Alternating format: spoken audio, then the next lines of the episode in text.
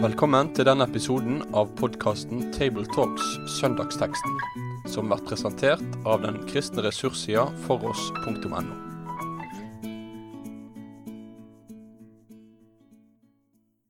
Vi er samlet til Table Talks. Um, seniorrådgiver i Nordmisjon, Svein Granerud. Egil Sjåstad, eh, dosent på Fjellhaug internasjonale høgskole. Og jeg, Asbjørn Kvalbein, pensjonist, mediearbeider det meste av mitt liv.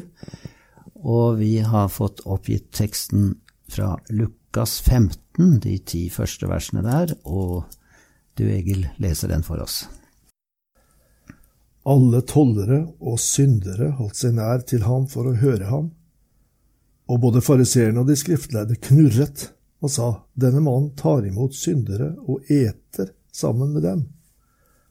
Da fortalte han dem denne lignelsen. Om noen av dere har hundre sauer og mister en av dem, vil han da ikke forlate de 99 i jødemarken og gå av sted og lete etter den som er kommet bort, til han finner den? og når han har funnet den, legger han den på sine skuldre og gleder seg. Når han kommer hjem, ber han sammen venner og naboer og sier, Gled dere med meg, for jeg har funnet igjen sauen som jeg hadde mistet. Jeg sier dere, slik skal det være større glede i himmelen over én synder som omvender seg, enn over 99 rettferdige som ikke trenger til omvendelse. Eller om en kvinne har ti sølvpenger og mister en av dem, tenner hun ikke da et lys og feier huset og leter nøye til hun finner den? Og når hun har funnet den, ber hun sammen venninner og naboer og sier, Gled dere med meg, for jeg har funnet igjen sølvpengen som jeg hadde mistet. På samme måte, sier jeg dere, blir det glede blant Guds engler over én synder som omvender seg. Ja, vi kommenterer jo da litt fritt denne teksten fra forskjellige vinkler. Vi har ikke forberedt oss så mye og samsnakket oss så mye på forhånd, men jeg vil bare peke på et faktum, da, at Lukas 15 er jo et veldig berømt og kjent kapittel. Eh, av to grunner. Det ene er vel at eh, det taler så sterkt om eh, Guds omsorg for det som har rota seg bort, og det som har gått seg vill.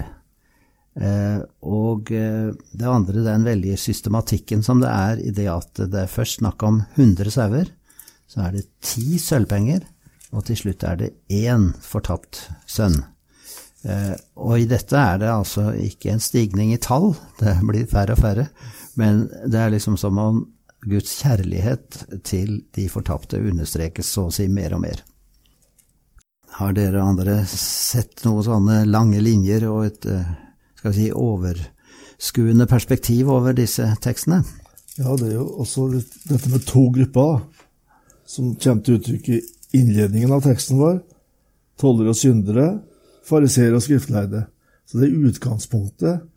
Så jeg tror det må være med oss når vi tolker hvem er det Jesus tenker på. Er det, hvem er det han har en brodd imot, og hvem er det han har en velkomst til? Det er jo litt festlig, da, syns jeg, også, å høre og se for seg uh, at her sitter datidens besteborgere, fariseere og de skriftlærde, som ønsket å framstå som forbilder for folket. Og så knurrer de, står det. Jeg vet ikke hvordan det lyder når fariseere knurrer, men uh, det lød antagelig ikke vakkert. Og så ser de på hverandre og sier at denne mannen tar imot syndere og spiser sammen med dem. Og så nikket de antagelig harmdyrene og sa at det går an. Han kan jo ikke være en å følge. Og så skulle de jo visst, da, at eh, de sa noe om Jesus som for ettertiden er blitt stående i gullskrift som det flotteste som kan sies om han de foraktet. Nettopp at det at han tar imot synder og sitter til bord sammen med dem det har gått i stykker for, det er det flotteste som kan sies om Jesus. Og millioner av mennesker har takket for at det nettopp er sånn. Og så satt de der, som jeg er redd for at enkelte eh, av deres etterkommere, og vi kan være der alle sammen av og til, eh, gjør det bordet ved rundt Jesus litt trangere enn det han gjorde det. Så den innledningen den der, den er til å meditere litt over.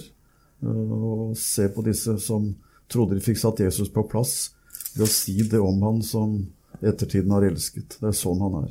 Ja, for det er jo også Jeg har lest dette med kommunikasjonsteori. Man snakker om guilt by association. Altså du får skylda på deg hvis du knytter deg til de og de som har et dårlig renommé. Du må passe deg på å ta bilde av deg sjøl sammen med statsministeren og andre, og liksom gjøre deg til noe med å assosiere med de rette folka. Og så gjør jo Jesus det stikk motsatte. Og det er, som dere sier, det er hans store hedersbetegnelse. Han er synderes venn. Og at han spiser sammen med dem. Det Ja. jo uttrykk for tett fellesskap. Han ønsker å invitere dem inn helt inn til det innerste Ja, i samfunnet med seg. Fantastisk. Og når det står en plass han er synderes venn Det står ikke her, men det står eh, i Bibelen en plass at Jesus ble kalt synderes venn. Så er det uttrykk fordi at de oppdaga hos Jesus en kolossal omsorg da, for marginaliserte og for folk som da har svikta, og som livet har gått i stykker for, og, og som har behov for tilgivelse. Så Det var et kjennetegn for Jesus. det Han var som en magnet på syndere og tollere. det er sagt. Altså De oppdaga at her er det faktisk en dør inn til Gud for oss. Og Samtidig så er det jo da at de kalles til omvendelse. Det, det er ikke aksept av synden heller. Nei, da, det er der vi av og til kutter ut etter og sier at det er ingen fordømmelse, og så kutter vi ut det som apostelen sier etterpå, for den som er i Jesus Kristus. riktig. Så her må vi, må vi tenke riktig. Og det er veldig flott, syns jeg, av og til når man skal invitere til nattvær. Og også minne om at Jesus inviterer til bords dem som det har gått i stykker for. For eh, som Egil sa, i den jødiske tradisjonen så, og i hele fororienten på den tiden, så var bordfellesskapet det var det synlige tegn på at man hørte sammen og åpnet både sinn og hjerte for en venn og en bror og en søster. Så her brøt Jesus med alle konvensjoner. Og derfor er det et bord som fortsatt er dekket for dem som lengter etter å sitte sammen med han. Egentlig er det en illustrasjon av lignelsen om fariseeren og tolleren. Så det er veldig mange lignelser Jesus har der det er disse to kategoriene. Og tolleren han sa 'Gud vær meg synder nådig'. Og Derfor han merka at Jesus er som en magnet, for der er det nåde å få. Mens fariseeren han eh, er opptatt med det han sjøl har utretta, og så faller han utafor allikevel. Det er interessant. eh, Lukas han har jo spesielt øre for det Jesus sa om Jesu omsorg for de fattige og utstøtte og syndere og tollere. Og det er ikke det at han eh, finner opp dette sjøl, men han husket kanskje bedre av det som Jesus sa om disse tingene, da. Eh, Så det er en flott litteratur også, syns jeg å legge merke til. Men skal vi gå inn på denne lignelsen med de hundre sauer, da? Kan jeg ta med én ting Ja, til? Asbjørn, som jeg ja. det er greit å ta med i starten her. Ja. Når det står om at toller og syndere holder seg nær til ham, står det 'for å høre ham'. ja. Og det syns jeg er veldig ålreit også å ta med før vi går videre. For, for vi syns det er så greit at Jesus er inkluderende, og at han tar imot og sånn, og det kan vi jo ikke få sagt tydelig. Men de hørte ham. Og da tenker jeg da, da må vi gjøre det, når vi tenker at det er godt for oss at han tok seg av dem som det gikk dårlig med. De hørte, de lyttet altså til Jesu ord. Så Ja. de er forbilder for oss. Det vil jo si at vi skal være frimodige også med å forkynne om Jesus i eh, de sammenhenger hvor vi tror kanskje de ikke er så åpne for det. Nettopp. Der kan det være stor åpenhet. Ja, men 100 sauer, ja. Og så ett et sau som går seg bort. Jeg syns det er så fantastisk fordi at uh, i så veldig mange ting i dag så regner vi med litt svinn. Og eh, 1 svinn kan jo ikke være mye. Én av 100. I ulvedebattenes tid så kan vi litt om det her. I. Tredebakk er det jo ulvedebatt hele tida. For Ja. en nabo av oss da, som mista 29 sauer her for to Åh. år siden. ja. Eh, Det er klart at det Jesus her, den verdien jeg setter på én sau, det samsvarer ikke med en sauebondes måte å tenke på. Eh, Jeg tror ikke det, altså. Jeg kjenner ikke folk De er glad i sauene sine. Men det å sette den ene så høyt at den forlater de andre, eh, og ikke regner med svinn, eh, det, det er unikt for Jesus, tror jeg, altså. Jeg vet ikke. Jo, det må det være. Og tenke på det som står i vers 6, at han steller i stand en fest på grunn av dette. Det, da er det altså en, eh, en verdiomvurdering som må være veldig sensasjonell også på denne tiden. man, man lager ikke en fest for én sau som er funnet, altså. Skulle sier, jeg tro. vi sier jo av og til at Jesu lignelser de sprenger på en måte den virkeligheten som de henter bildet fra. Og det gjør jo også denne lignelsen. Både at han forlater dem i ødemarken, står det. Det står ikke som i hyrdekapittelet Johannes 10 at han forlater dem inne i sauekveet og har et gjerde og en port som voktes og sånn. Men han forlater dem i ødemarken. Det er antagelig også et tegn på at han, at han tar en risiko for de andres del for å finne den ene. Og så er dette som Egil nettopp nevnte med denne festen. Det, det, det sprenger bildet og viser at uh, sammenligningen peker på noe langt større. Bjerkreim har skrevet om dette her i en av sangene sine. Jesus tar seg av den ene som om ingen andre var. Ja. Det betyr jo ikke det at han ikke bryr seg om de andre, men det betyr seg om hver enkelt av de andre også, sånn som han bryr seg om den ene her. Så snakker vi jo også om eh, at det, eh, bildet sprenger vår virkelighet, og jeg syns jo det gjør det også i vers 7, da, når det er snakk om glede i himmelen. Altså at eh, en filleting her på jorden på en måte skaper fest i himmelen. Det er jo også noe kolossalt stort. En synder omvender seg, og det er mye større om en masse mennesker som går og surrer omkring og tror de er rettferdige, eh, og som regner med at alt er i orden, men de som virkelig blir frelst og ser de trenger nåde, og eh, trenger å berges av den gode hyrde, der, det er det som skaper glede. Jeg har et minne fra mora mi. Hun var 85 år, tenker jeg, den gangen Vebjørn Rodal eh, tok gull på 1500-meteren. 800 meter, egentlig. Ja, 800 meter, unnskyld. Ja. Ja. Og da var det vist på TV, den gleden på Berkåk, med ordfører og greier, og stor jubel på Berkåk. Og vi, vi var jo trøndere, da, så vi så jo på dette der som bare det. Ja. Men så sa mor uh, ja, men det blir større glede i himmelen over én synder som vender om, enn det blir på Berkåk når Vebjørn Rodal vinner gull. Jeg tror jeg ønska å få sagt noe om at eh, her er det verdiskalaen altså, Ja. som Bibelen justerer for oss. Nei, Jeg har jo hørt predikanter som har talt om det her, og du vet, mange har brukt sin fantasi frodig for å illustrere det, men eh, det er jo en fin tanke da. Vi leser jo i Åpenbaringen kapittel 3 og 4, husker jeg, om, om eh, himmelvesenet som stadig er rundt tronen og lovsynger nærmest uopphørlig han som sitter der. Og som en sa, da, da tar de en pause, og så slenger de på noe nytt i låssangen, for nå, nå må de glede seg litt. Og liksom det, det skjer noe der. Det vet ikke jeg så sikkert om hvordan det skjer, men, men det, er, det er en tanke vi har lov å ha, at så stort er det når en går over fra døden til livet. Og Da er det noe med at vi bør ha litt av den samme gleden, da. Ja. Jeg fant en barnesang her, som går an å lese den i et halvt minutt. Englene gleder seg, synger i kor, nå er han kommet hjem. Fryd og musikk fyller Guds hus, tapt, men er funnet igjen.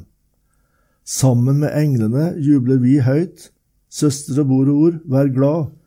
Elsket av Gud, kalt av Guds ånd, æren skal Jesus ha. Men sammen med englene jubler vi. ja. Det er, noe av den, det, det det verdiskalaen som er justert etter det som Jesus sier her.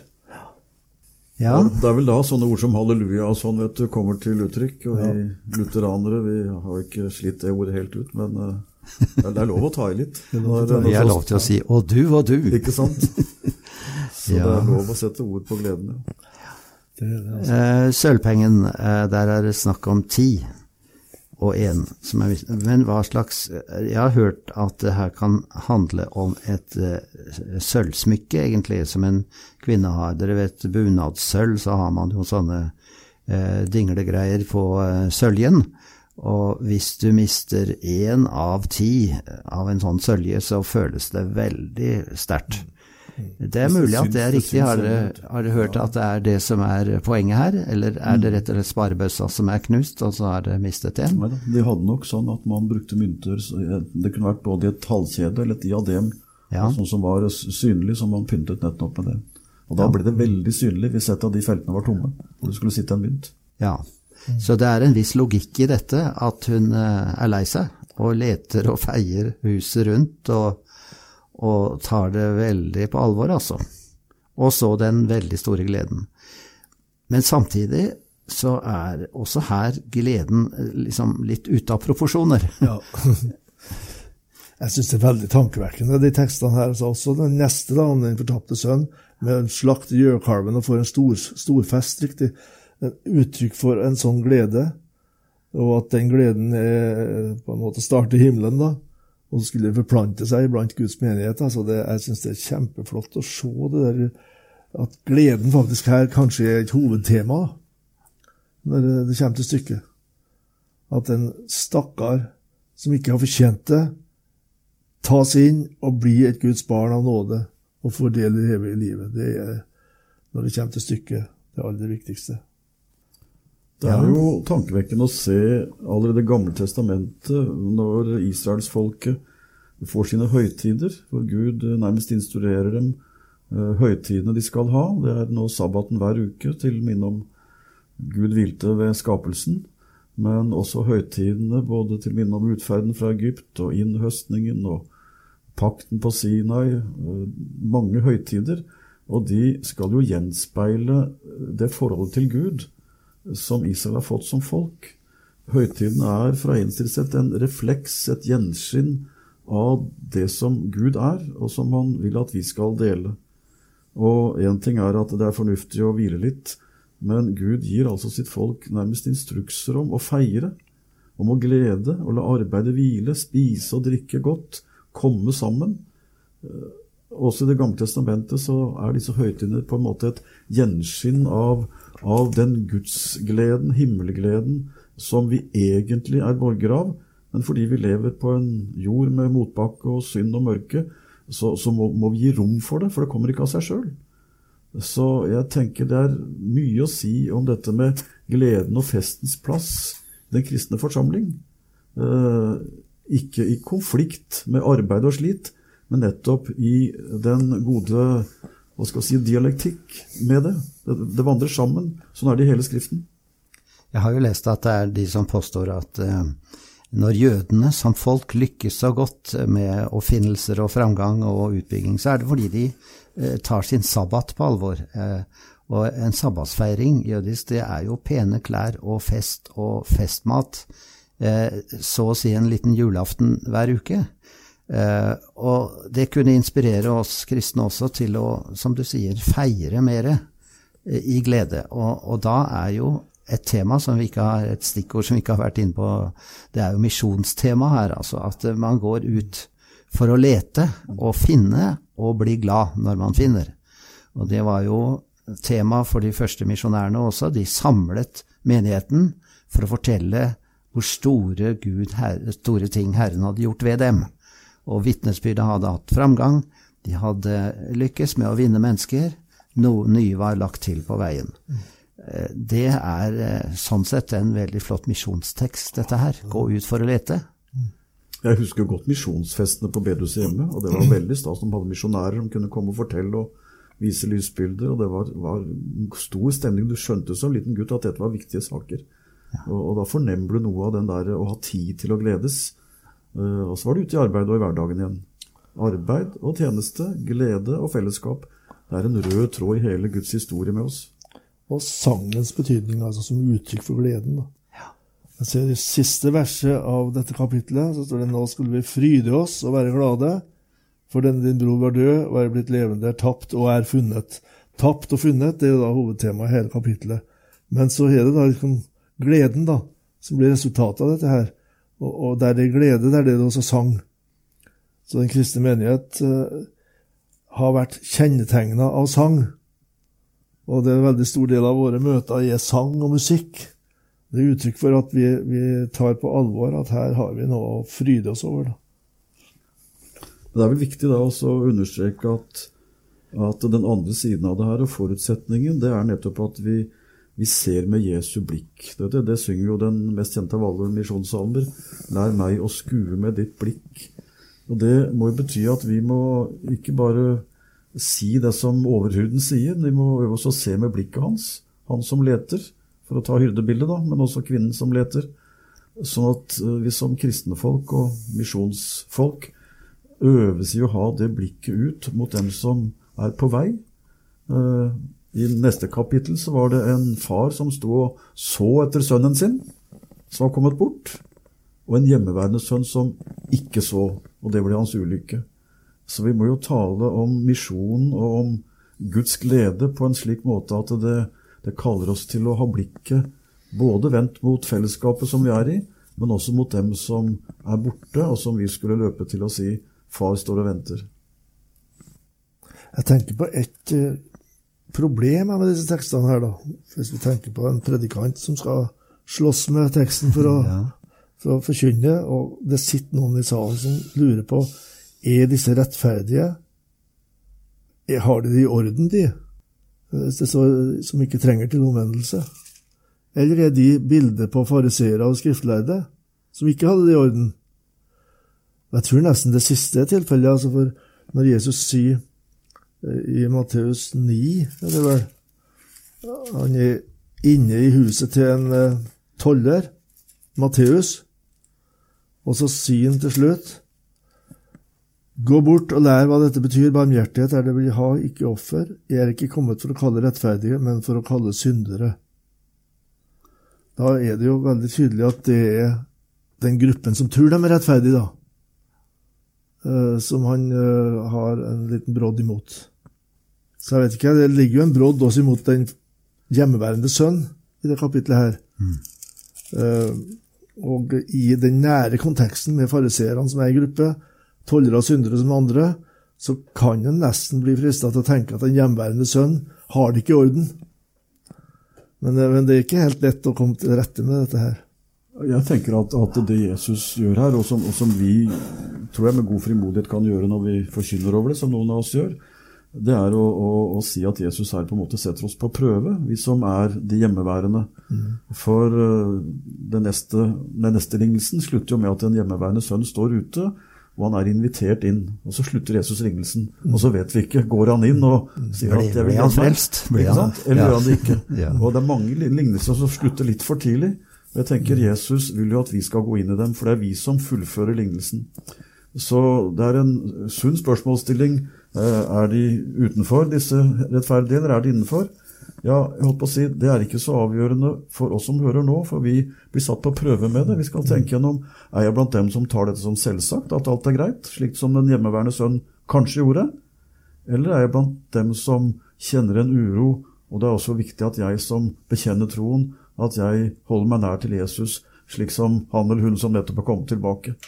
Eh, jeg vil heller si at vi settes på prøve, eh, enn at vi skal finne det eksakte svaret på om Jesus tenker til en eller andre. Ja, jeg tenker på også den appellen som, som eh, kvinnen sier her, 'gled dere med meg'. Og det går jo igjen i, i det hele. Jesus sier, 'hva er det som gjør dere glade', egentlig? Er det, er det det at syndere blir frelst, eller det, finner dere glede i alt mulig annet?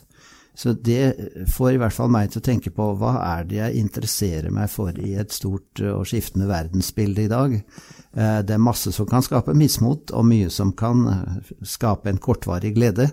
En eller annen nyhet som er morsom et døgn eller to, men så glemmer du den. Men hva skaper virkelig glede hos meg? Og da er det jo veldig viktig, syns jeg, at vi oppsøker den type nyheter som forteller om Guds rikes framgang og vekkelse og nytt liv, og at vi dermed lærer oss å tenke som himmelens engler tenker, og som Jesus selv oppfordrer til, gled dere over de som blir frelst. Den gleden kan vel være et tegn på at det står rett til? Ja. Altså, det er noe med å da dette tre fram for barn, altså. Dette har vært en klassisk barnefortelling da, om de sauene her. Og sanger. Her går en trofast gjeter og teller sine lam, men hvor er nummer 100? Så teller han på fingrene. Det, er så lett å levendegjøre det, da. Så, så, jeg tror veldig mange barn har fått et Jesusbilde der Jesus ja, Vi har jo sett det på veggen nå. Jesus har et lite lam i armene sine, eller over akslene. Eh, og at det er det sterkeste inntrykket jeg har av Jesus Kristus. Det må vi fortsette å forkynne til barna. Ja, kanskje du Egil leder oss i bønn til slutt.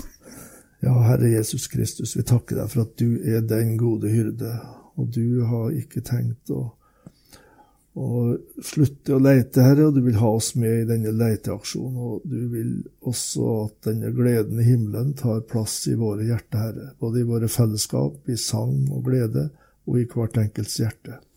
Vi ber om at vi må ha den rette verdiskala her, at vi ser hva som er virkelig stort her i verden, og at vi er virkelig med på å fremme din rikssak her på jord. Amen. Med det sier vi takk for følget for denne gang. Finn flere ressurser, og vær gjerne med å støtte oss på foross.no.